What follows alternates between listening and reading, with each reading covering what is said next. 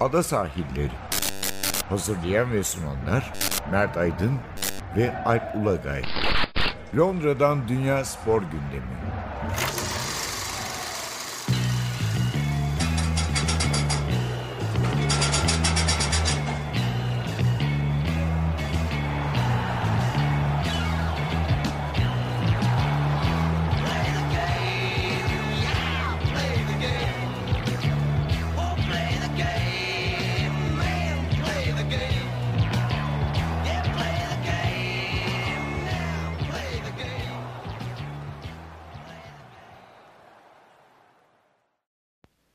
Sahillerinden merhabalar. Ben Ertuğrul Agay. Ben Mert Aydın. Ada sahillerine yeniden birlikteyiz. Bu hafta neler var gündemimizde?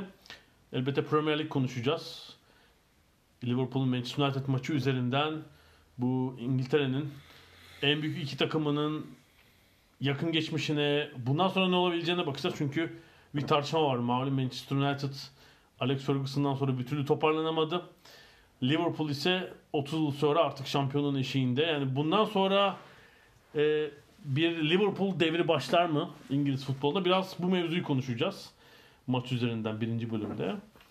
E, ikinci bölümde biraz Premier Lig'in bu sürpriz takımlarına bakacağız. Ortada böyle bir aslında imkanlarından çok başı olan bir 3-4 takım var bu sezon.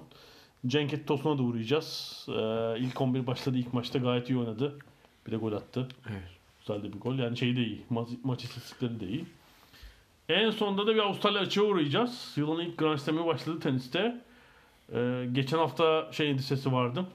Bu Avustralya... Uğrarken de yağmurluklarımızı giyeceğiz arada. E, yani biz, birden hava değişti biliyorsun. Geçen hafta orman yangınları, duman, turnuva oynamayacak, elemeler falan derken bir yağmur şeyiyle başladı bu sefer. Hatta Avustralya'nın tabii devasa bir ülke hatta kıta olduğunu düşünürsek dolumolu yağmış başka Evet. Ama Melbourne'de e, nispeten yani temiz bir hava var. Geçen haftaki o dumandan eser yok anladığım kadarıyla. E, Önce Liverpool e, Manchester United maçıyla girelim. Ha. Ee, Liverpool e, aslında dolu dizgin devam ediyor. Ve maçın genelinde de üstünlerde. Yani ma- maç boyunca açıkça çok net olarak söyleyelim. Yani hiçbir zaman ben e, Manchester United'ın puan alabileceği hissiyatına kapılmadım.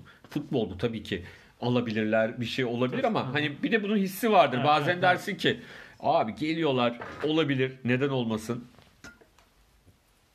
dersin. Ben hiç öyle bir şey hissetmedim. Yani çok net Liverpool için belki de beklenenden hani puan kaybettiği tek takım olduğunu düşünürsek şu ana kadar Manchester United'ın. Hatta şöyle o ikincinin başındaki bir 10 dakika falan var. Yani orada sanki böyle bir tane aslar 2 3 4 gidecekmiş Tabii tabii. gibi. Ay- Evet evet. Yani Yani Salah'ın kaçırdığı, çok çok ciddi, dönen çok ciddi top. şekilde kim yazmıştı? Birisi çok güzel bir, bir şey yazmıştı Twitter'da maç sırasında. Yani hani skor tablosu iltifat ediyor Manchester United'a.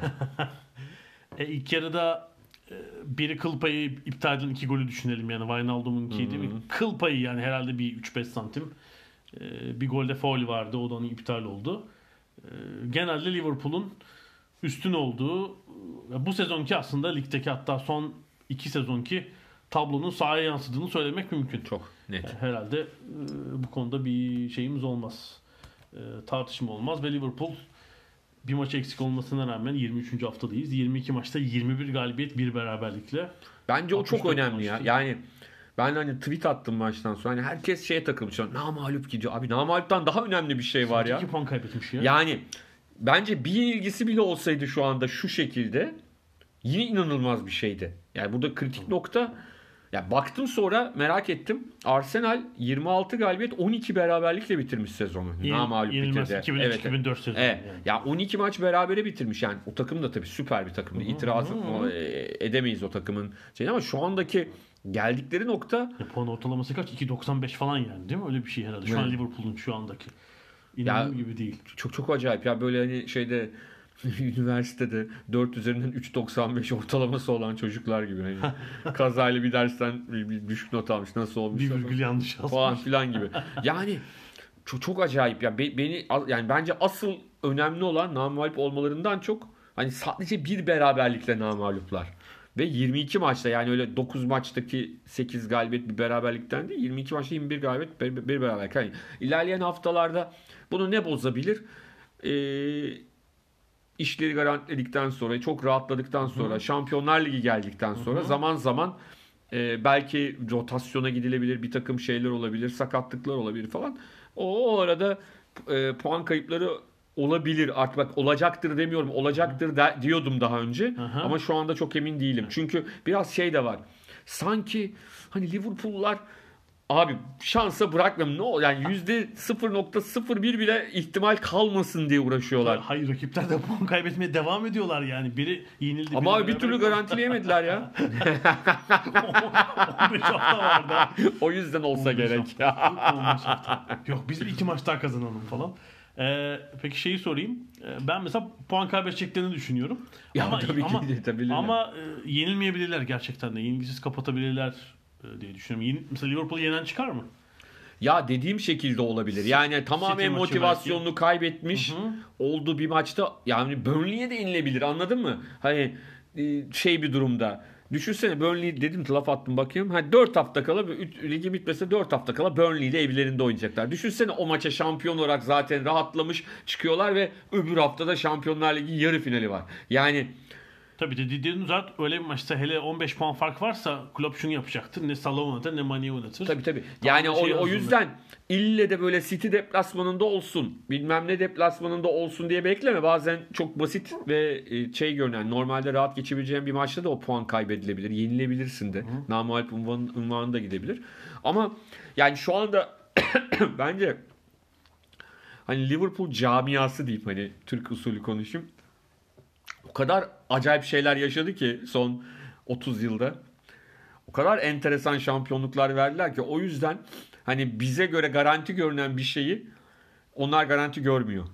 Şampiyonluk mu? Ne? Ne o falan hiç böyle. O yüzden de abi diyorlar. Maç biz, maç. Biz şampiyonluğu maç. garantileyene kadar her maçı kazanalım. Tabii ya işte maç sonu röportajlarda da biliyorsun hala. Hmm. işte Henderson'a soruyorlar. Biz maç maç devam ediyoruz falan diyor hala. Yani o kadar. Ha şu olabilir. Liverpool 2 sene önce bir şampiyonluk kazanmış olsaydı şimdi öyle demezlerdi. tabii tabii evet. Başka bir kendine güven olacak. Tabii tabii. Yani 29 yıldır olunca 30 yıldır olunca pardon. Peki aşağı yukarı e, şey ne düşünüyorsun? Bu 15 civarı puan farkı kalır mı mesela sene sonunda? Ben bu civarda biter diye düşünüyorum. Belki hani bir Abi şimdi ben de öyle düşünüyorum ama gitti City puan kaybetti bu hafta ya. Anlatabildim mi? Yani hani e, bir seri yakalamıştı gider diyorduk ama yani çok da garip goller yiyorlar. Bu hafta Match of the Day'de nefis incelediler onları. Yedikleri iki golü de. Birini attılar zaten kendi kalelerine yemediler de.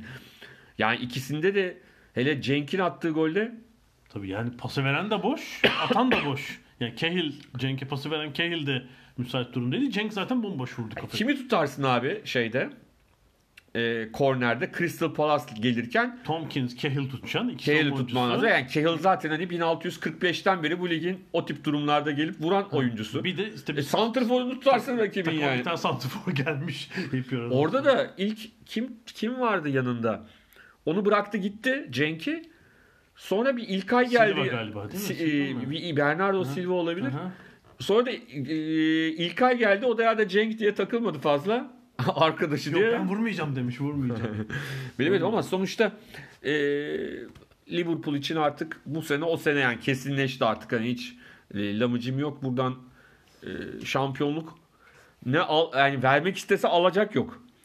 Evet. Sorun orada yani çünkü bazen pusuda bekler diyeceksin ama be- bekleyemiyorlar pusuda. E, bir Liverpool'un şeyi üzerine bir söz. E, tabii Klopp bir süre yere konuşuyor böyle kısa kısa röportajlar. Nerede gördüm hatırlamıyorum. Yani görüntülü bir televizyon kanalının herhalde yaptığı röportaj.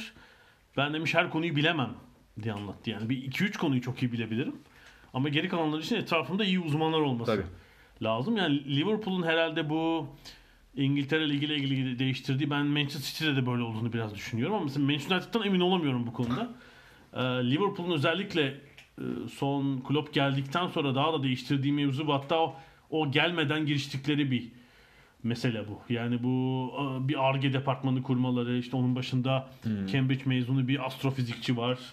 Ee, ama Klopp'un da hmm. geldikten sonra mesela Bayern Münih'ten bir diyetisyen transfer ediyor. Yani Mona Nemer mesela. Ee, bir spor psikoloğu Çok iyi sol ayağı varmış. Bir de olabilir bilmiyordu. Alman o e, Almanya'da kadın futbolu çok şey oluyorum. Olabilirdi. işte spor psikoloğu geliyor. Sonra şu taş antrenörü Danimarkalı Thomas Gronmark mesela o freelance çalışıyor. Birkaç takımla birden çalışıyor. İşte iki sezondur onunla çalışıyorlar bir de yani taç için düşünsene.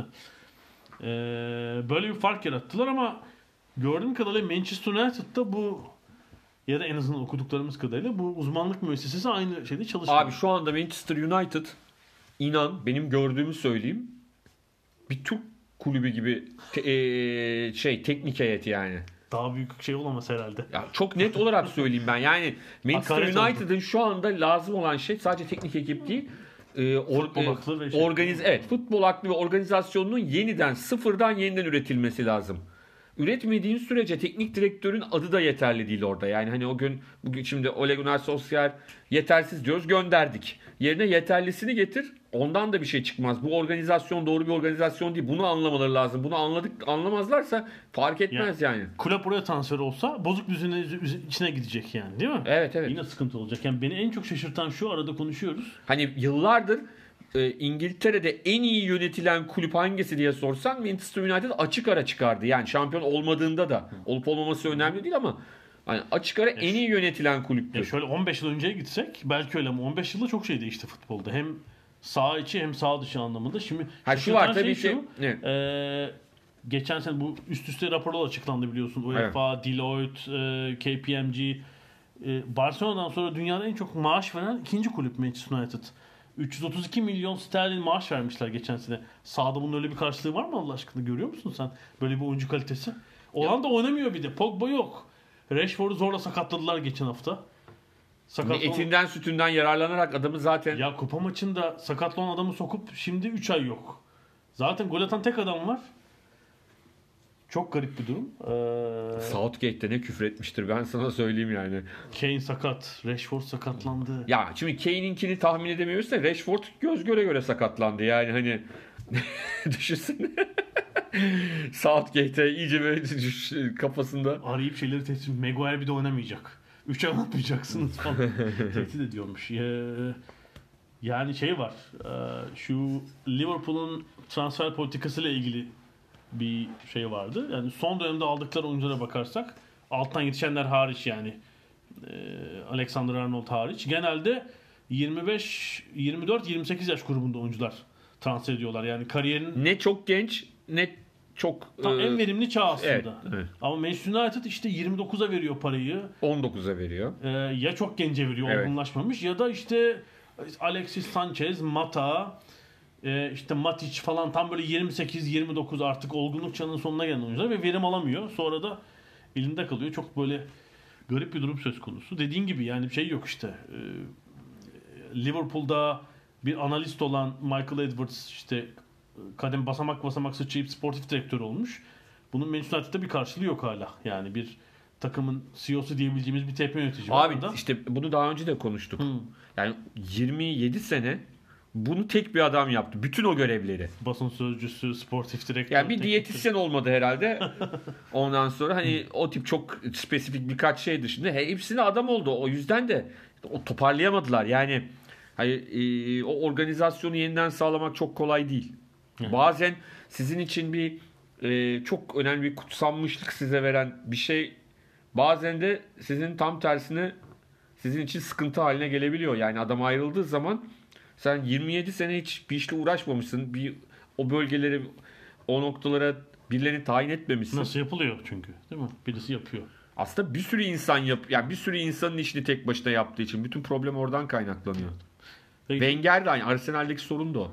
Ve Arsene Wenger de Ferguson gibi bir adam olduğu için bunlar eski şey eski toprak. yani old school. Yani teknik olarak yaptıkları old school anlamında söylemiyorum ama genel olarak hayata bakışları, her şeyi kontrolü altında istemeleri, kontrollerinin altında istemeleri falan hepsi bunlar artık çağ, bu çağda yok yani böyle bir örnek. O yüzden de onların gidi, onlar gidince iş iyice sarpa sardı. E, biraz da şeyi konuşalım. E, Şimdi e, Manchester United e, Alex Ferguson 86'da geldi. Premier Lig 92'de başladıktan sonra müthiş bir hakimiyet kurdu.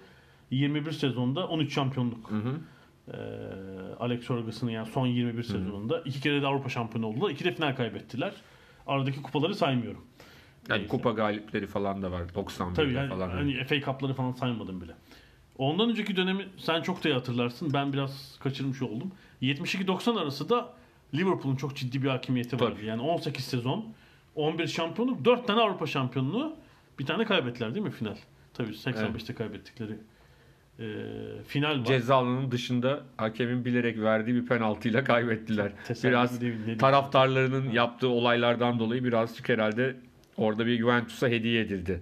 O kupa. Belki de kazanacaklardı yani o maçı da. Yani e, ben şey hatırlıyorum. e, Liverpool'un hani son döneminde Rush, Barnes, Beardsley falan oturup oynarken hatırlıyorum tabii. 85-90 arası hani hep şu Liverpool ne kadar domine ediyor bu İngiltere futbolunu diye konuşulurdu. Hani bu Ama yine de arada derbisi, Nottingham Forest'i, Aston Villa, Leeds United'ı bir sürü şampiyonlar var. Aston Villa'sı, Everton'ı. Ya anlatabildim mi? O hani o dominantlıkta hani %100 her şampiyonluğu onların Arsenal'in var yine arada. Ve 18 sezonda zaten 7 kere kaçırmışlar. Bir tek şu etkileyici bir sezon hariç hep Liverpool ikinci. Evet. Bir galiba 81'de mi ne ilk üçe girememişler falan öyle bir şey ama çok dominant. Ee, sonra da Manchester böyle bir üstünlük kurdu. Şimdi e, mesela bu yıl Liverpool'un şey olduğunu düşünelim. Şampiyon olacak herhalde. E, Şampiyonlar Ligi'nde de yine bir final minal yukarılara çıktı. Bundan sonra böyle bir Liverpool şeyi görür müyüz? Sonraki 10 yılda mesela şöyle düşünüyorum. İşte 5 6 Liverpool şampiyonluğu, 3 Avrupa finali falan. Valla e, aslında bu tip şeyler çok kolay değil İngiltere gibi birlikte. Çünkü e, çok fazla dışarıdan e, ağzı sulanan yatırımcının olduğu, çektiği bir e, yatırımcıyı çeken bir lig. Yani bundan 20-15 sene önce Manchester City'nin böyle bir şey yapabileceğini düşünüyor muyduk? Hayır. Mümkün değil tabii. Üçüncülükte miydi neydi? Yani anlatabildim mi? O yüzden iki sene sonra Everton'ın yine acayip bir şeyle çıkıp çıkmayacağını bilmiyoruz. O yüzden de bunu hani önceden kestirmek zor. Bir de üstüne çok agresif bir transfer piyasası var. Yani çok agresif. Ee, ve hep hani konuştuğumuz şey bazı kulüpler evet yani dünyanın en popüler ligi en çok sevilen ligi Premier Lig ama işin içine Real Madrid, Barcelona hatta Bayern Münih girdiği zaman bu ligin popülaritesi tek başına faydalı olmuyor oyuncuyu orada tutabilmek için. Yani o kulüplerin popülariteleri Premier Lig'in liglerinin değil ama Premier Lig'in üzerinde olan o kulüplerin kendi popülariteleri ve büyüleri. Yani Liverpool'un da öyle bir büyüsü var ama yani Liverpool'lu bazı oyuncuların iki sene sonra, bir sene sonra Real Madrid'e çok yüksek paralarla gidip gitmeyeceğini bilemiyoruz. Kulübün, bırak bunları, kulübün e, gidip gitmeyeceğini bilmiyoruz. Değil mi? Şey diyebilir yani. E, Mane, Klopp. Ya buradaki misyonum tamamlandı. İşte iki şampiyonluk aldık. iki Avrupa şampiyonluğu falan. Ben başka bir bir yeni challenge deneyeyim yani. Dener denemez hep beraber göreceğiz. Yani City'de üst üste iki şampiyonluk aldı mesela. Ama bir de o e, çok yüksek seviyeyi değil mi? Korumak gerçekten kolay değil. Yani Değil. City mesela kötü değil bu sene. Ama geçen iki sezonki ne Değil. oyun var ne tempo var. Puan da yok. Puan da yok. Karşılığı sahadaki karşılığı da yok. Ee, puan cetvelindeki karşılığı da yok. Çünkü şey yani değil mi o e, bir 2-3 akıllı yenileme lazımdı kadroda. Olmadı. İşte bir iki kişi yaşlandı biraz. Temposu düştü falan. Ee, böyle bir sıkıntılar var. Ee, peki Liverpool şampiyonluk sayısında değil mi 18-7'den Manchester United 20-18'ine geçti. Pek akıl almayacak şekilde. Evet. Liverpool'a ne geçer mi? Aa, geçebilir. Geçe yani Manchester United bu kafayla devam ederse en azından Liverpool geçebilir mi bilmiyorum ama Manchester United aynı sayıda kalır. Ha, yani değil mi öyle Yani hani Liverpool'un geçip geçemeyeceğini bilmiyorum ama e, şey aynı şeyde kalabilir. Bu sıkıntı devam ettiği sürece. Çünkü Liverpool'da şey potansiyeli var. Yani böyle bir şey yakalamak için bir iki nokta bir elbette şampiyonluklar kazanmak lazım. Hani e, diyelim ki 7 yılda 5 şampiyonluk falan. Avrupa eşlik etmeli. Bir de e, Liverpool'un önündeki bir e, zorluk, challenge taşı olacak. Yani Manchester United tabii son 25 yılda bu küresel e, futbol endüstrisine öyle bir hakimiyet kurdu ki işte dünyanın en çok takip edilen işte Asya'da, Amerika'da çok takipçisi olan bir takım. Belki oralarda bir Liverpool'un bir şeyi orayı da zorlaması gerekebilir gerçekten bir hakimiyet Ama kurmak tabii için, Klopp sinirlenmiş. Gelecek yıl çaktırmadan yine Afrika Kupası'nda kışı aldılar. Ya 2021'i yani Temmuz'da Evet, evet. sürpriz. e, İleri üçlü yok falan. Yani Firmino'yu var tabii de yani Key- şeyler yok. Keita, Mane, Ha, Salah. evet. Üçü de olmayabilir. Evet. Ki Afrika Kupası bir de 24 takım değil mi artık yani zaten katılmayan böyle şey- Cibuti falan kalıyor yani. Ee, evet ben benim de kanaatim yani Premier Lig'de bir rekabetçi ve son iki sezondur biraz potansiyelin altında kalan takımlar da var yani sadece Manchester United değil. Chelsea, Chelsea mesela öyle şimdi Chelsea Arsenal. Arsenal transfer tahtası açılacak. Yeni teknik adamlar var. Yani bir iki sene içinde onlardan bir atılım gelebilir. Bu puanları toplamak mümkün olmayabilir mesela. Evet. Yani hani bir sene daha tamam ama 2021-22'de belki e, işte 95 puanlardan 80'e falan indiğini göreceğiz. Ya aklıma geldi biz eskiden Championship Manager falan oynarken 2021-2022'ye geldiğimizde Oh. komik isimler çıkardı. Yani çünkü artık gerçek oyuncular olmazdı. Daha. Eski isimlerin karıştırılmış. Hı. O kadar gelecek ki yani. Kubilay Türk Yılmaz vardı mesela. Ee, İsviçre milli takımında mesela atıyorum Kubilay Fry falan oluyordu ya da bilmem ne Hans Türk Yılmaz oluyordu falan böyle her şeyi karıştırıp isimleri karıştırıp Ya şey çok, yapın. çok gelecek olduğu için. Tabii tabii tabii Çok ileride. 2021-2022 öyle geldiği zaman. Şu an için şeyi düşünmek lazım. Bugünün karşında oldu 2044-45 sezonu falan herhalde. Tabii tabii. bir de eski yani Championship Manager dönemindeki oyun daha eski olan Aha, 90'ların aha. ortalarındaki disketle oynadığımız oyunda daha da acayip şeyler vardı yani şimdikinden yani gerçekçi olmayan rahatlıkla rakiplere 8-10 attığın sistemler falan. Disket dedin ya. Of gerçekten. Disket tabii tabii.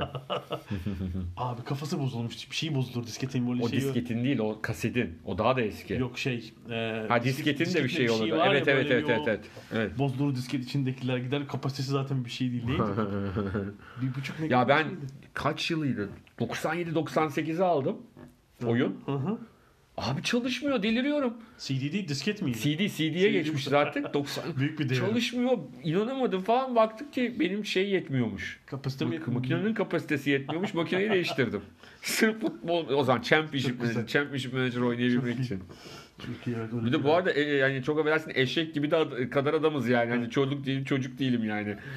Çalışıyorum hayatın kazanırken bunu oynuyoruz. Kompetörünüz oyununa compatible değil efendim. Peki eee, evet Liverpool Manchester United rekabeti tabii devam edecektir. Eee, ben de merakla bekliyorum bunu. Ya onların şehrin arasında rekabet var. Hani Evet, futbol evet. diye bir şey kalmasa da yine onlar rekabet edecek bir şey bulurlar. Aynen aynen öyle. Ya, bu ilk bölümü bitirelim. Eee ikinci bölümde de şeye bakacağız. Diğer çocuklara bak. Evet diğer çocuklara bakacağız. for Everton Londra'dan Dünya Spor Gündemi.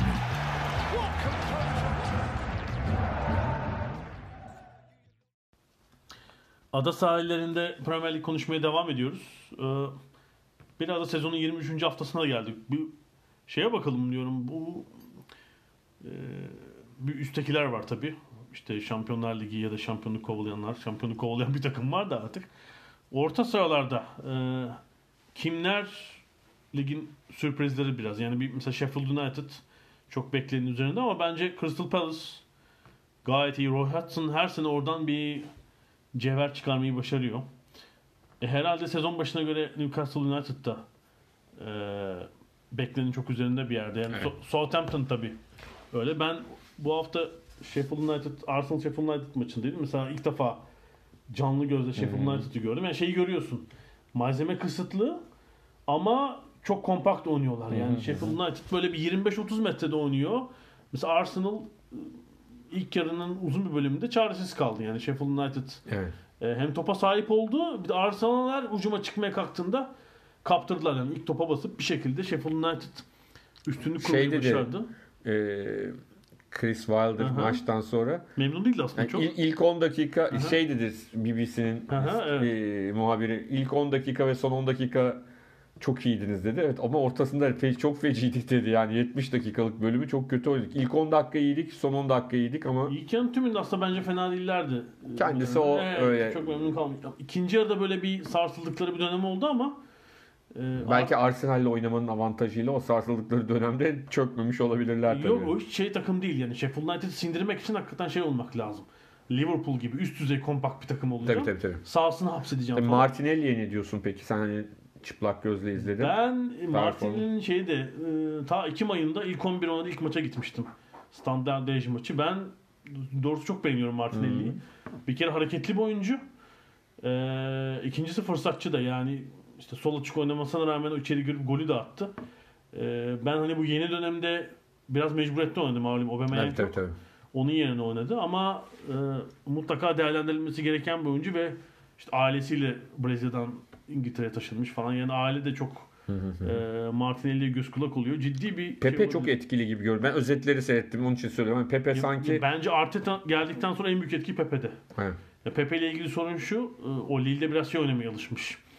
Ee, e, biraz daha diyelim orta sınıf takımın böyle ileride topu alıp Hmm. tek başına hani iş bitirecek Zahası. ha falan gibi oynamaya alışmış. Halbuki e, tabii buradaki üst düzey takımlarda müthiş bir işin savunma tarafı da var yani. E, geriye gelmiyordu, adam kovalamıyordu. Yani Pepe'nin maneleşmesi lazım biraz. Çok güzel tarif ettin. Çünkü potansiyel öyle potansiyel var. Ama sanki böyle bir uyum sağlayamamış olabilir ilk sezon İngiltere'ye Evet. gelen. Ama yani bir de geldiğin takımda da organizasyon olmadığı için Tabii. o, o da kritik bir şey. Yani Ha. senin iyi olman yeterli olmuyor bazen. En etkili şey oydu. Ee, mesela Sheffield United şimdi bu sene mesela Aston Villa gibi yapmadılar onlar. hı. Böyle ciddi bir hani 50, 100 milyonluk falan transfer yapmadılar. Evet. Alttan gelen kadro neredeyse devam ediyor. Herhalde işte Muse falan geldi. Ee, ama işte e, Fleck, e, Landstram falan çok iyi oynuyorlar ama bu kadro mesela seneye bu puanı çıkarır mı? Zor olabilir. Şüpheli ama ticari olarak şunu göz almış olabilirler. Bu sezonu iyi geçiyoruz. Ciddi bir gelir olacak. Hani seneye bir transfer bütçesi Ama olacak. onu da çok dikkatli yapmak lazım. Yani çünkü Tekrar geçmişte örnekleri var. Evet. Hmm. Saçmak yerine yine doğru yerlere doğru adamları alırsan yavaş yavaş yükselirsen. Ama eee Palace için ne dersin? ya onlar şey ne derler? hani- Roy Hudson ya. Yani Roy Hudson. Bir şey çıkarıyor değil mi yani? Nereye giderse gitsin bir verim olan bir teknik. Doğru. Geçen sene City'yi Manchester'da yenmişlerdi. Yani burada da beraberlik kaptılar. E, e, ilk maçta da yenmişlerdi. değil Ya mi? o hayır hayır Evet, yani evet. geçen sene Tabii tabii 3-2 yenmişlerdi. 3-2 işte Townsend değil mi? Nefis bir gol atmıştı. Tabii tabii tabii inanılmaz bir gol. Hayır geçen sene daha önemli çünkü geçen sene City az puan kaybediyordu. Yani hani Bir tane bir şimdikinden puanla şampiyonluk olduğu için tabii. ondan sonra o yüzden e, onlar açısından da çok değerli oldu. Bir de tabii şey çok önemli. Yani şimdi 1-0 uzun süre önde oynadılar. Tamam City çok baskılı oynadı falan filan. 2-1 yenik duruma düştüler ve hemen toparlanıp bir şey yapmaya çalıştılar. Yani pes de edebilirlerdi orada. Yani çünkü öyle bir üst üste iki gol yediler ki. Tabii tam böyle City seni hapsetmiş ceza alanına bir gol 81'de oluyor. Biri 86 seyirci çıldırmış falan. Hani ne, ne beklenir aslında? City 3.'ye de atıp içi bitirsin. Ya belki de o şekilde bir hani Zaha topla girmeye çalışması falan belki de 3 olurdu sonrasında da yani bunu bilemiyoruz. Olabilecek gibi de görünüyordu ama e, o gol önemli. İşte Cenk ilk 11 başladı ilk maçta gol attı. E, şey Bir tane e, sayılmayan var. Evet. Foul yaptı çünkü orada. Ian Wright eski bir Palas efsanesi Aha, diyelim. aha. E, onu ve Zaha'yı çok beğendiğini söyledi e, performanslarını sahadaki. İkinci yarıda bir tane e, hafif çaprazdan vurup e, şeyin kurt Ederson'un Evet evet var. evet. pozisyon. Onun dışında ben maçın tümünü izleyemedim. O gün de diğer maçta olduğum için e, istatistikleri etkileyiciydi. 23 iki- bir kere çok topla buluşmuş Evet. bir forvet için. E, 41 kez topla buluşmuş. 23 ikili, ikili mücadeleye girmiş. 13'ünü kazanmış. 5 kez çalım denemiş. E, hepsinde de iyi. Yani çok e, ekstra bir şeyi vardı. Cenk'in katkısı vardı yani skor katkısı dışında. E, bence şeyde eksik olan oyuncu buydu. Yani Benteke falan çok ağır oyuncular. evet. Ayu kanatta daha iyi oynuyor. Zaten hemen şeye geçti. Kanatlar Zaha Ayu. Ortada Cenk gibi oynayacaklar bundan sonra herhalde. Ee, Cenk için de çok iyi çünkü 2000 Euro 2020 öncesi zaman alması lazım. Herhalde Everton'da o vakti alamayacaktı. Evet. Böyle gözüküyor. Yani Palace herhalde buralara tutunur yine. Evet, Yani çok Az zor. yiyorlar. Hani Az atıyorlar. e, puan olarak tabii ki ihtimali var yani küme düşemez Aha. diyemeyiz. Çünkü bazen bir 3-4 yenilgi üst üste alıyor takımlar Evet. gidiyor ama Evet. hani geçen yıldan gördüğümüz kadarıyla Palace dengeli bir takım. Bir şekilde o belli bir noktada kendini tutabiliyor. Kaleci iyi. Yani Evet. ciddi bir katkısı var. İçeride deplasmanda içeride alıyor değil mi? İçeride 16 puan, deplasmanda 14 almış. Evet, Öyle bir dengeli bir var takım yani. Evet. Ee, Newcastle Değil mi? Sene başında burada olması Aa, Ya şu var tabii ki e, bu son maç biraz daha farklı bir maç yani. e, neredeyse attıkları gole kadar e, defans yaptılar ama e, yani çok bilinçli bir defans. Hani tamam kalenin önüne evet ceza alanının önüne otobüs çektiler ama e, hani kademeli ve hakikaten rakibi bunaltıcı bir defans olduğunu söylememiz lazım. Chelsea'nin çok böyle onlarca gol pozisyonu yok. Çok fazla. Yani o baskının karşılığında çok daha fazla gol pozisyonuna girmesini bekleyebilirdik Chelsea'nin ama öyle bir şey yok.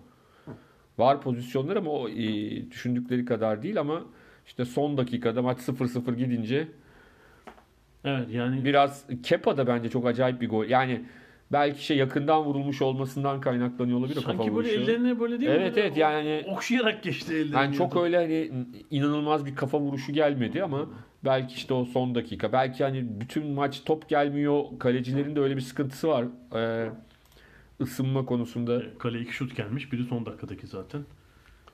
Dediğin gibi böyle bir sıkıntı olabilir. Yani Newcastle'da şu sıkıntı var. Sevilmeyen bir başkan var. Seyirde büyük potansiyel var. Bunu biliyoruz yani. Her maç 50 bin oynayabilirler. Ama sevilmeyen ve yatırım yapmayan bir başkan var. İşte Evet. antrenörü gönderiyor, oyuncu satıyor falan. Yeni Ama şöyle bir şey var yani Steve Bruce kendini kurtardı. Çünkü çok hakikaten çünkü Rafa Benitez'e çok e, sevgi duyuyorlardı. Aha. Artı e, aslında Newcastle'lı olan ama daha önce işte Newcastle'a kazık attığı tırnak içinde söylenen Steve Bruce'un gelmesini istemiyorlardı. Ama Bruce sanki o şeyi yıktı. Yani e, takımın geldiği nokta Newcastle'ın se- sezon başında çok fazla e, beklemedikleri bir Evet, yer. Bence mücadele gücü falan da çok şu an... Tabii sen Maximen mesela çok enteresan bir adam. Golün de ortasını yapan Evet. oyuncu. Biraz şey ama ya yani biraz hani şöyle diyeyim. Hani Pepe ve Mane'nin Ham. e, altı. Hani şey anlamında hani karar veremiyor, kaleye vurayım mı vurmayayım mı'lerde falan çok böyle inanılmaz pozisyonlar harcıyor, top eziyor. biliyorsun. Evet, Müthiş çok yetenekli, müthiş çok yetenekli. Evet. Ama son Sürat- mesela vuruş mu yapacak? Kaleciyi mi geçecek? Onları daha Yani o yüzden hep o bir klas aşağıda kalacak. Yani o, o e, kolay değişen bir şey değil. Onu düzeltmediği sürece hiçbir zaman Mane ya da işte Pepe o, o, o tip oyuncuların seviyesine ulaşması çok kolay değil. Ee, hani Newcastle için ilginç bir şey olabilir bu yani tabii. şey bu büyük takımlara karşı sürpriz maçlar çıkın. Tottenham'ı yenmişlerdi biliyorsun. Sezon başında. Sonra Man- Manchester United'i yendiler. Ee, Ekim ayında. Şimdi bu Chelsea galibiyeti. City ile berabere kalmışlar yine sonlarda atılan bir golle galiba. Ee, bayağı sürpriz puanlar da aldılar.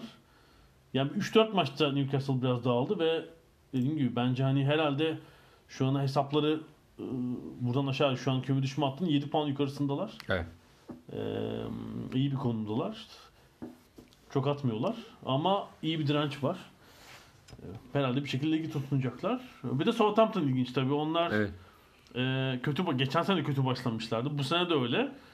E, iki sezonda Hazenhüttl bir yerden çekip çıkarmayı başardı onlar. Başlardan bu hafta 2-0'dan Çok Wolverhampton'a rahat kaybettiler. atabilecek bir Tabii. galibiyet. Ee, 2-0'dı. Her ne kadar maçtan sonra Hazenhüttl kardeşim aslında hakem doğruyu vermişti. Penaltı değildi o pozisyon. Varla penaltı yaptılar dedi ama yani Bayağı ben şöyle diyeyim ben sana hani ben zaten ne demek istiyor bu adam falan dedim.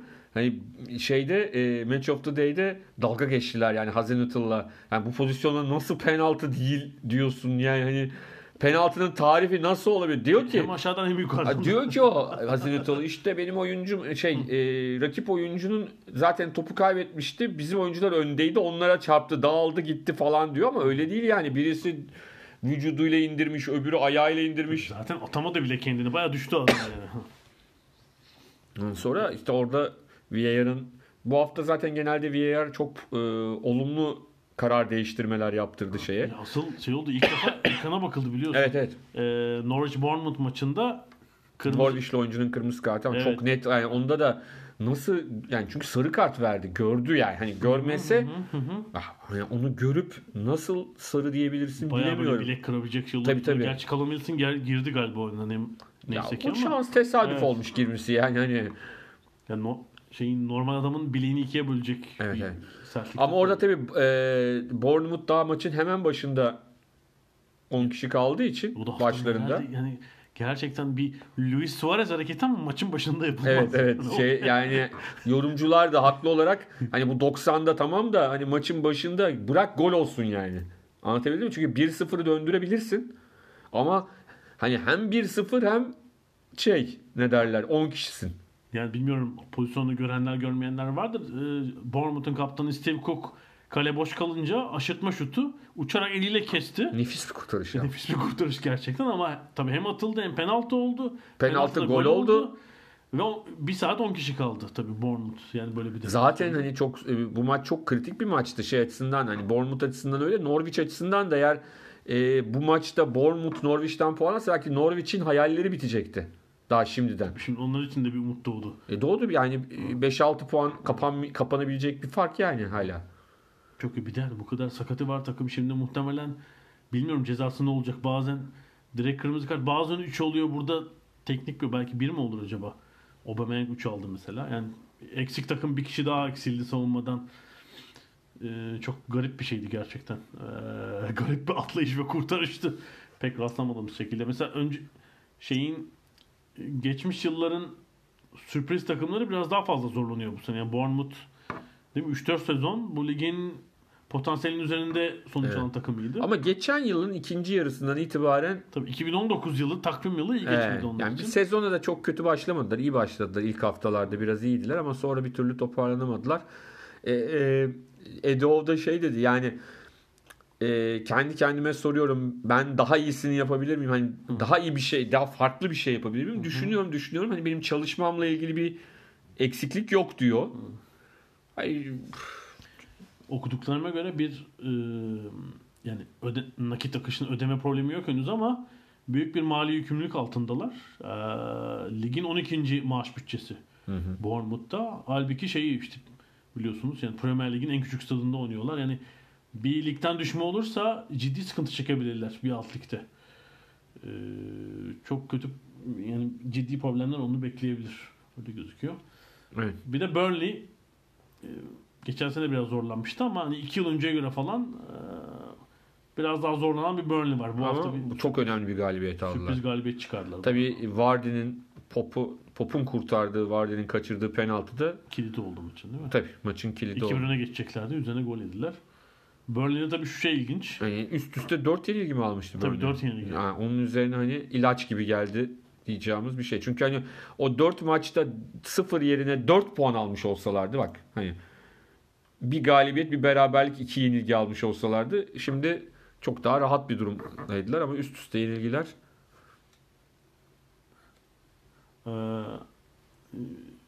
Burnley'de şu ilginç tabii biliyorsun her korneri duran topu büyük bir tehlike yani Barnes sakatlandı gerçi bir sürü yok galiba millet olmuş herhalde ama Wood, Barnes, Me, Tarkovski hepsi Tabii, tabii. bir yolluyorlar. Bu hafta şey çok komik. İlk, ilk golde mi? İlk golde eee Me kafayı vururken Rodriguez'e de kafa attı orada. çok komik pozisyon oldu. Yani öyle yükleniyorlar ki rakip kaleye. Golü attırırken takım arkadaşını sakatlayan bile oldu. Brighton Aston Villa önemliydi. Yine alt tarafta e, belirleyici bir maç olabilirdi. O da beraberlikle sonuçlandı. Güzel gol attı Grealish. E, o- yani son haftalara kadar takım ayakta tutmaya çalışıyor ama Aston Villa şu şeyi yapamadı yani transferler henüz bu arada Graham Potter Aston Villa taraftarıymış. Çok fena. öyle mi? Evet çocukluktan itibaren o bölgenin o bölgenin çocuğuymuş diyelim. Bundan sonra. Bak, bu, bu arada kaleci transferini yaptı Aston Villa tabii. Reyna'yı getirdiler. Evet. Ama Santifor'a henüz bir transfer olmadı. Herhalde oraya da bir Reyna güzel bir kurtarış da yaptı maçta. 163 yaşındaki kaleci. Ee, Norwich e, Bournemouth maçından sonra Lineker'in sorusu Shearer ve Ian Wright'a sizce bu iki takımdan birisi kendini kurtarabilir mi? İkisi de e, ikisi de hayır ikisi de düşer dedi Bournemouth ve Norwich City için. Ve de hatta şey Shearer bayağı analiz etmiş, tek tek gösterdi. Dedi ki bu görüntüler 11'e 11 iken olanlar ve de en sonunda 10'a 10 iken olan. Yani 11'e 10 iken hani kötü bir kişi eksikken yapmadı mı görüntüleri diyor. Ne kadar Bournemouth'un hücumlarında yalnız kaldığını forvetin evet tek başına yani indiriyor diyor topu kafayla. Orta sahaya gelmiş kimse koşmuyor. Yani şu Bournemouth şu an bütün ligde bence belki bir Aston Villa öyle. Moral olarak en düşük durumdaki takım. Yani bir bir ufak çıkış yakalamazlarsa gerçekten yani Norwich genel itibariyle zayıf. Hani ona diyecek bir şey yok. Ee, Yani efsane yine Aston. Villa'da bile yine bir şey var ya. Aston Bir Villa heyecan var yani. potansiyel zaten daha yüksek de biraz işte sakatlık makatlık falan. Hani şey bile hani Grealish'in Euro 2020'ye gider mi gitmez mi heyecanı bile onun Ha. kendi içinde Tabii bir Çünkü kadroyu o mu olacak Madison mı Mount mu hani öyle bir üçlü çekişme Evet. var gibi gözüküyor. Evet. Onun yarattığı da bir heves var herhalde. Ee, belki işte bir de Santifor alırlarsa İslam Silimani Premier Lig'de tekrar. Öyle bir şey var. Tottenham, Evet. Aston Villa falan. Tabii Watford Tottenham'da da penaltı kaçtı. O da herhalde Watford acaba uzun yıllar şey e, sene sonunda o penaltıyı arar mı? Troy Deeney Yani kaçırdı. müthiş bir galibiyet daha olacaktı. Gazaniga'da hani yapmıyor yapmıyor şu an enteresan kurtarışlar yapıyor. Burada da e, Watford üst üste galibiyetlerine bir yenisini ekleyebilirdi. Deeney'nin penaltısı gol olsaydı. Bu sefer takımı kurtaramadı. Ama yine de bir puan bir puandır oldu. Yani hani Puan almayı sürdürüyorlar. puan almayı sürdürüyorlar. O, o, o bile e, önemli bir şey Watford açısından. Çünkü yani bundan 5 hafta önce e, herkes bir ilk sıraya Watford yazıyordu küme düşme adayları olarak. Tabii evet. Adayı olarak. Match of the Day'de herhalde 5 hafta önce sorulsa soru. İşte Norwich Watford ikilisi söylenecek mesela. yani e, ha, şu anda kurtuldu mu kurtulmadı daha ama en azından o psikolojik bir şeydir yani şeyin üstündeler. E, üçlünün üzerine çıktılar. Tabii bir de averajlar da yakın artık. Hani o işte 14, 15, 16. Tabii West Ham beraberlik aldı. E, Everton'la. Everton'la. E, hani biraz olsun toparlamaya çalışıyor onlar da.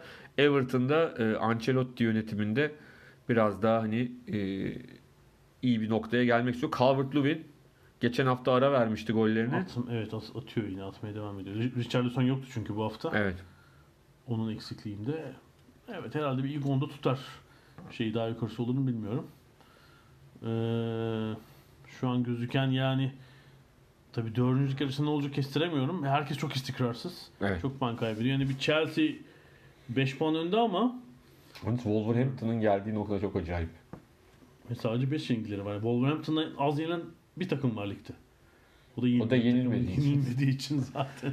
Ya yani e, Raul Jimenez müthiş bir istikrarla gol atıyor. Traore zaten Traore Tarıyor. acayip yani Traore şey oldu oyundaki bug oldu bir anda yani olacak iş değil yaptığı şeyler. hele Southampton maçında 3. goldeki ikisinin de coolluğu yani Traore adamı geçti böyle bir geriye çekip sakince verdi pası. Şeyler canlıraş geriye koşarken Southampton'da. Çok acayip. Ee, şey ilginç. Wolverhampton'ın bu sezonki 39. maçıymış bu.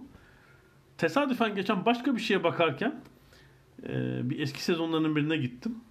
E, bir fikrin var mı? Mesela İngiltere tarihinde en çok maçı hangi takımın ne zaman oynamıştı? Kaç, mı? kaç maç bir sezonda? Şey 22'li ta- sezonlar var eskiden. Var tabii. Zaten lig sormuyorum. Bütün sezon o sezon bir takımın önünde bütün resmi maç sayısı kaç maç olabilir? Tesadüfen o, o sezonla ilgili bir şeye bakarken karşıma çıktı Kaçmış? o sezonmuş. 70 maçmış. 79-80 sezonda Arsenal oynamış. İşte bu Valencia'ya Kupa galibi. Kupa galiplerinde- Kupa galiplerinde oynadığı maç sayısı sınırlı da ama FA Cup ve Lig Kupası finali mi şöyle oynamış? sürekli replay Ha. oynamışlar.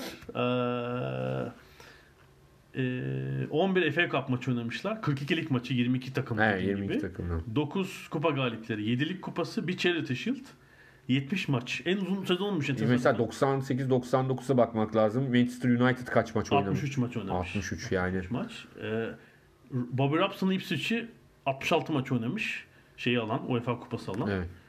Ama onlarda işte o 42 lig var ya bir kere o şey Zaten yapıyor. cepte. Cepte bir 4 maç fazlası var yani. Tabii cepte. Ee, 72-73 Leeds'te 64 maç oynamış. Yani Premier Lig öncesi dönemler. Şey çok ilginç. O Arsenal'ın 70 maçlık sezonunda Brian Talbot maçların hepsinde oynamış. 70 maç. O sezon mu Fenerbahçe ile oynamışlardı? Evet, o sezon, o evet, sezon o sezon. 2-0-0-0 mı? Evet. Bir de Fenerbahçe var yani sezonun başında. İki tane var. Bir değil iki Ya maç evet, var. iki maç birden var. ee, şey tabii bugünden farklı olarak kadrolar çok dar. Yani Tabii, tabii. 16 oyuncu var. Yani şöyle bir bak. Ligde ama 3 yedekli oynuyor olmaları lazım İngilizlerin. Kendi İki- liglerinde. iki bile olabilir ya. İki, Ha, bir kaleci iki oyuncu anlamında 3 yedek derken. Yani şey e, oyuncu az değişiyor. İşte biri 70 maç oynamış. 66 var 65 var yani Maç kaçan da 5 maç kaçırmış. Ama tabii ki şunu söyleyelim. Ha statlar daha kötü, zeminler daha kötü, Daha çok kötü, yoruluyorlar. Ama diğer taraftan da tem maç tempoları şimdikinin bayağı altında. Evet. Helal. Biraz hani o Tabii. Tabii.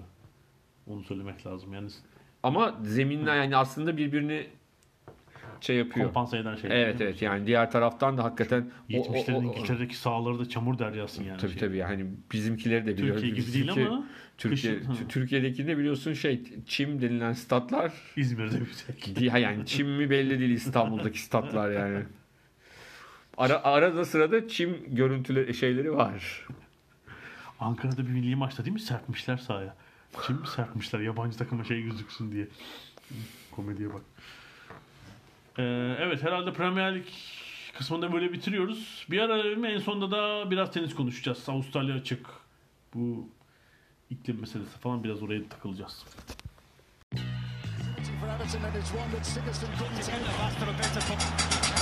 Ada sahilleri. Londra'dan Dünya Spor Gündemi.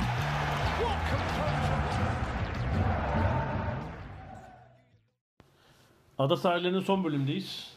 Biraz da tenis konuşalım. Malum yılın ilk Grand Slam'i Avustralya açık başladı. Ee, geçen hafta Avustralya'daki yangınlara e, bir nevi küresel iklim değişikliğine bağlı bir mini kriz vardı. Bu hafta da turnuva ilk gün biraz yağmura Ya biraz Takıldı. sanki gölgede kaldı o yüzden ya. Yani normalde hani Avustralya açık daha böyle bir görkemli bir insanlar.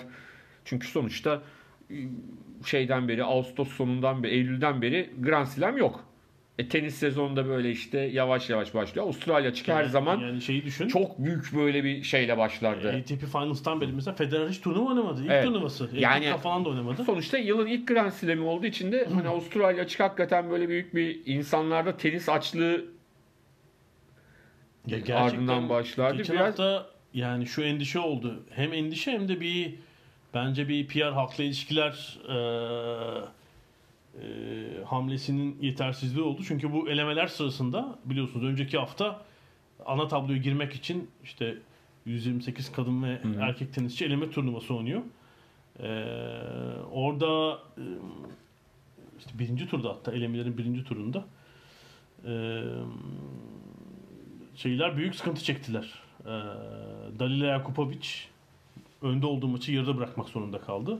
Çünkü bu Avustralya'daki devasa orman yangınlarından ortaya çıkan duman e, en sonunda Melbourne çevresine de geldi ve hava kirliliği seviyesi, havadaki partikül seviyesi işte o gün elemelerin olan ilk günlerde açık kortları etkiledi ve benim İngiliz muhabirlerden, Fransız muhabirlerin izlenimlerinden okuduğum kadarıyla açık mekan değil kapalı mekanlarda bile o duman kokusu hissediliyor. Ve yani işte performans ortaya koymak zorunda olan sporcular için çok endişe verici bir durum. Ama elemelerde kim oynuyor? Tabi starlar oynamıyor orada. Ee, Dünya sıralamasında işte ilk yüzün dışındaki tenisçiler oynuyor ve pek seslerini sanki duyunu duyuramadılar gibi ben bir Nikola Mayu'yu gördüm. Dünya rekortmeni maçın malum tenisçisi hala oynuyor Fransız tenisçi. E, Maçını beklerken sağlık maskesiyle oturuyordu. Kenarda sonra yenilmişti daha birinci turda.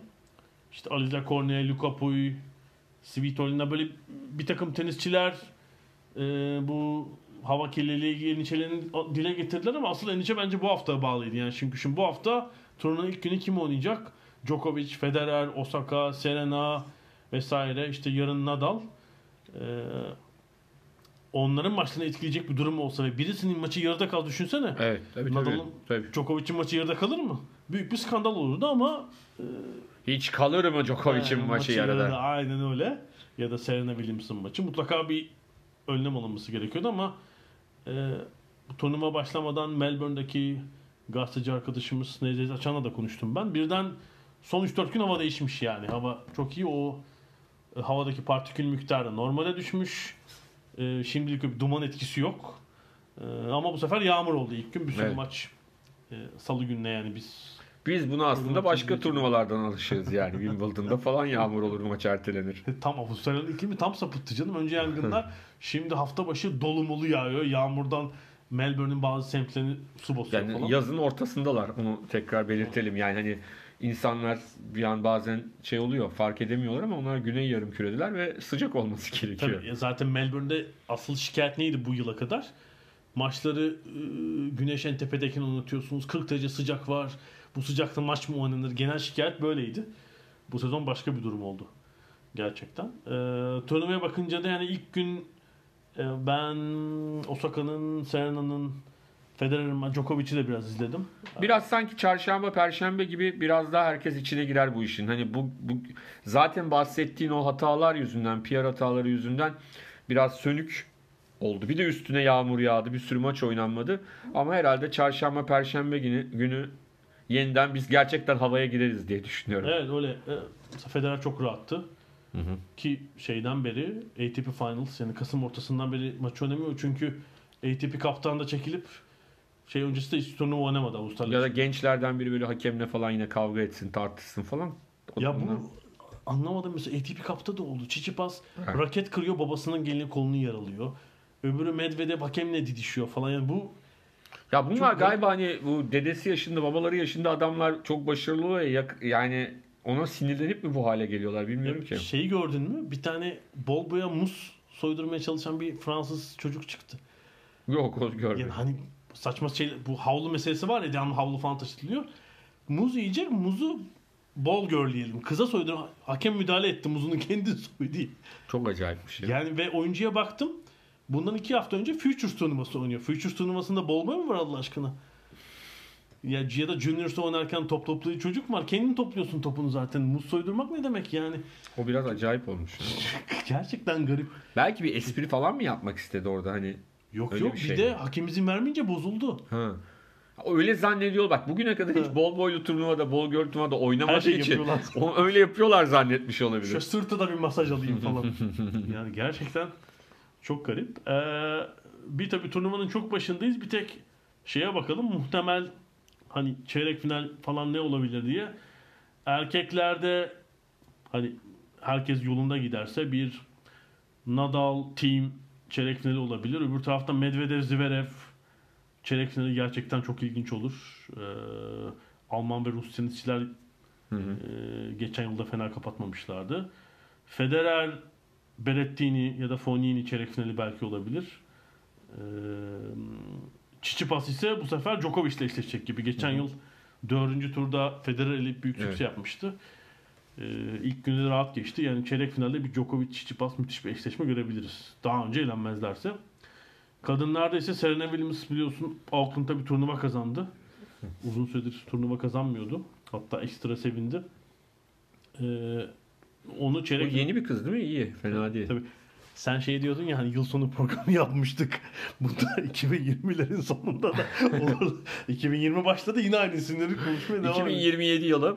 Ee, bugün e, Ada Sahilleri'nin 6323. programında e, Avustralya açıkta Serena Williams'ın ya da işte bir Federer Nadal Djokovic Nadal finali ya E, kardeşim. çünkü ATP Cup başladı. Finali İspanya Sırbistan oynadı. Djokovic Nadal. Auckland'da Serena kazandı falan. Yani burada da şey olur. Bu arada Serena 6. çocuğunu doğurduktan sonra da turnuvaya katılarak başarılı oldu falan gibi. Wawrinka'ya sormuşlar zaten. E, fıkra gibi oldu bu. Wawrinka'ya sormuşlar. bu sene kim alır demişler Grand Slam'leri. Bence yine üç büyükler alır demiş. Ama zorlanırlar diye yanıt vermiş. E, kadınlarda ise Serena Williams e, Osaka çeyrek finali olabilir. Dünya bir numarası Ashley Barty, Kvitova çeyrek finali bir ihtimal. Benčić Halep ve Svitolina Pliskova. Yalnız abi kadınlarda o bir numara hep değişiyor da herkese kime sorsan yani mesela hani takip etmeyen şeye Aha. sıralamayı böyle her gün puan Aha. falan herkes Serena Williams diyor değil mi? Ha yani hani birincinin 8 numara bir yani. numaranın kim olduğu çok önemli değil. Mesela erkeklerde tahmin ediyorsun hani o üçlüden bir tanesi daha formda oluyor ve daha Aha. e, iyi bir sezon geçiriyor. An yani diyorsun ki işte Nadal, Djokovic falan oldu. Onlardan biri. biri diyorsun. Ama öbüründe hayır bakmadan direkt Serena diyorsun ama Serena 8. dediğin gibi. Yani hani Evet Ashley Barty bir numara. Serena çok az turnuva oynadığı için. Tabii sıralama aslında gerçek bir numarayı göstermiyor. Ee, çünkü Serena Williams artık yaşı itibariyle onun bir hedefi var. Bu Margaret Court'un 24 Grand Slam'lik rekorunu egale etmek. Belki sonra kırmak. Son 4, 4 Grand Slam finalini kaybetti. Şimdi Margaret Court'un ülkesinde hani bir fırsatta Margaret Court'un ülkesinde Margaret Court'un Court'unda. Court'unda. E, bu arada Margaret Court e, Grand Slam yapmasının 50. yıl dönümüymüş galiba 1970-2020. Final maçına davet edilmiş ama e, bazı sosyal görüşleri sebebiyle ödül törenine katılmıyor. Yani şey yapmayacak. Kupayı o vermeyecek. Serena ile kapışmasınlar diye herhalde. E, çünkü fazlasıyla dindar ve bu özellikle cinsel eşitlik falan konusunda bazı şeyleri var. Sıkıntılı görüşleri var. Sıkıntıları var Margaret Court'un. Serena orada çitileyebilir onu. Bu arada e, en sonunda onu da bitirelim. Bir yeni kitaba başladım Golden Years diye. E, Rod Laver Avustralya tenisinin zirvede olduğu 60'lı ve 50'li ve 60'lı yılları anlatıyor. Yani bir aslında kitap, kitabın daha ilk bölümünü okudum ama çok iyi kurgulanmış, etkileyici başlamış. Yani şey tabii çok ilginç. Bir Avustralya'nın teniste kurduğu inanılmaz hakimiyet.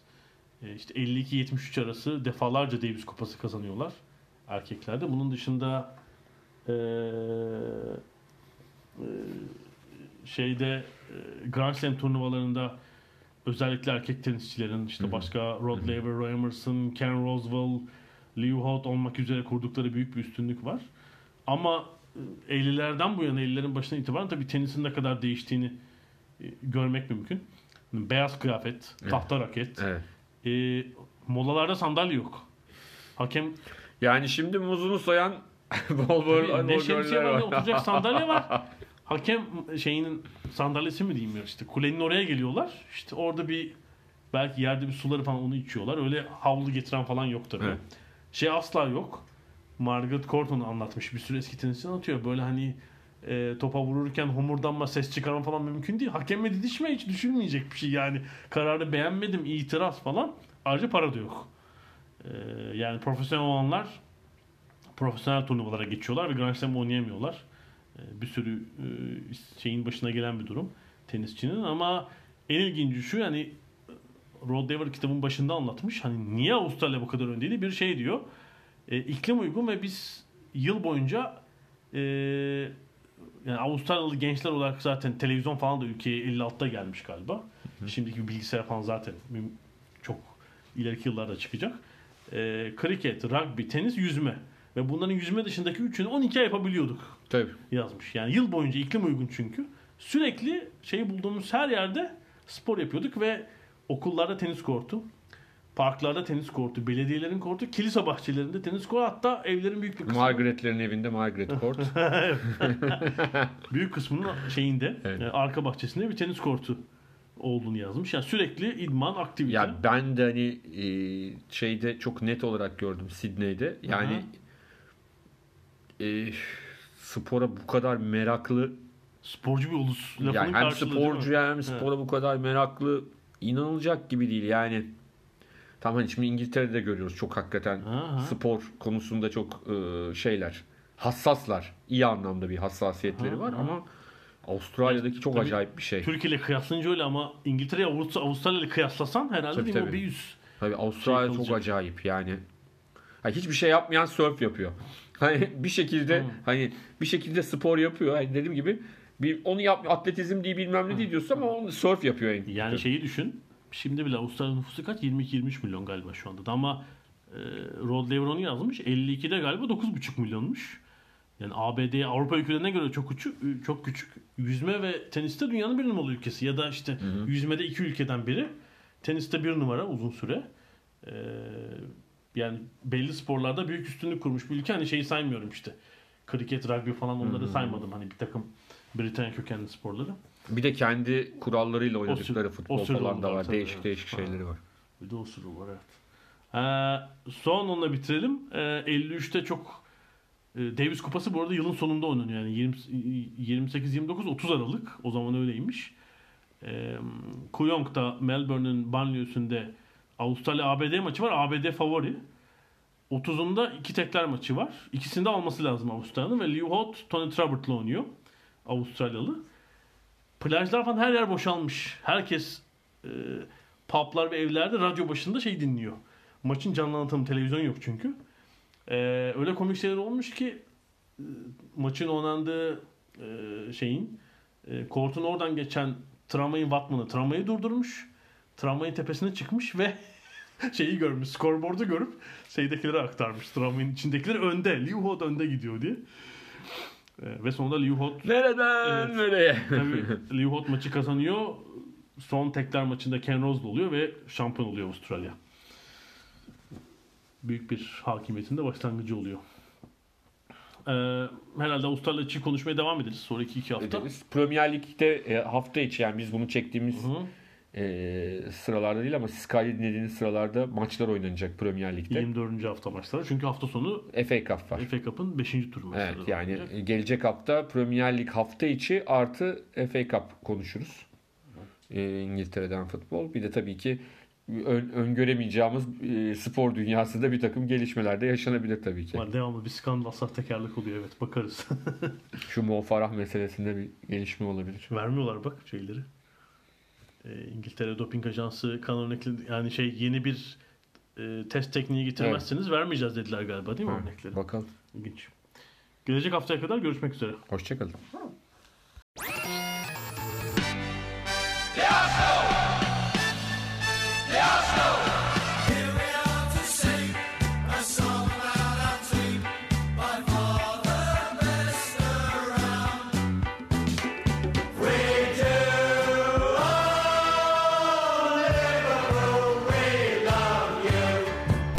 Ada sahilleri. Hazırlayan ve sunanlar Mert Aydın ve Alp Ulagay. Londra'dan Dünya Spor Gündemi.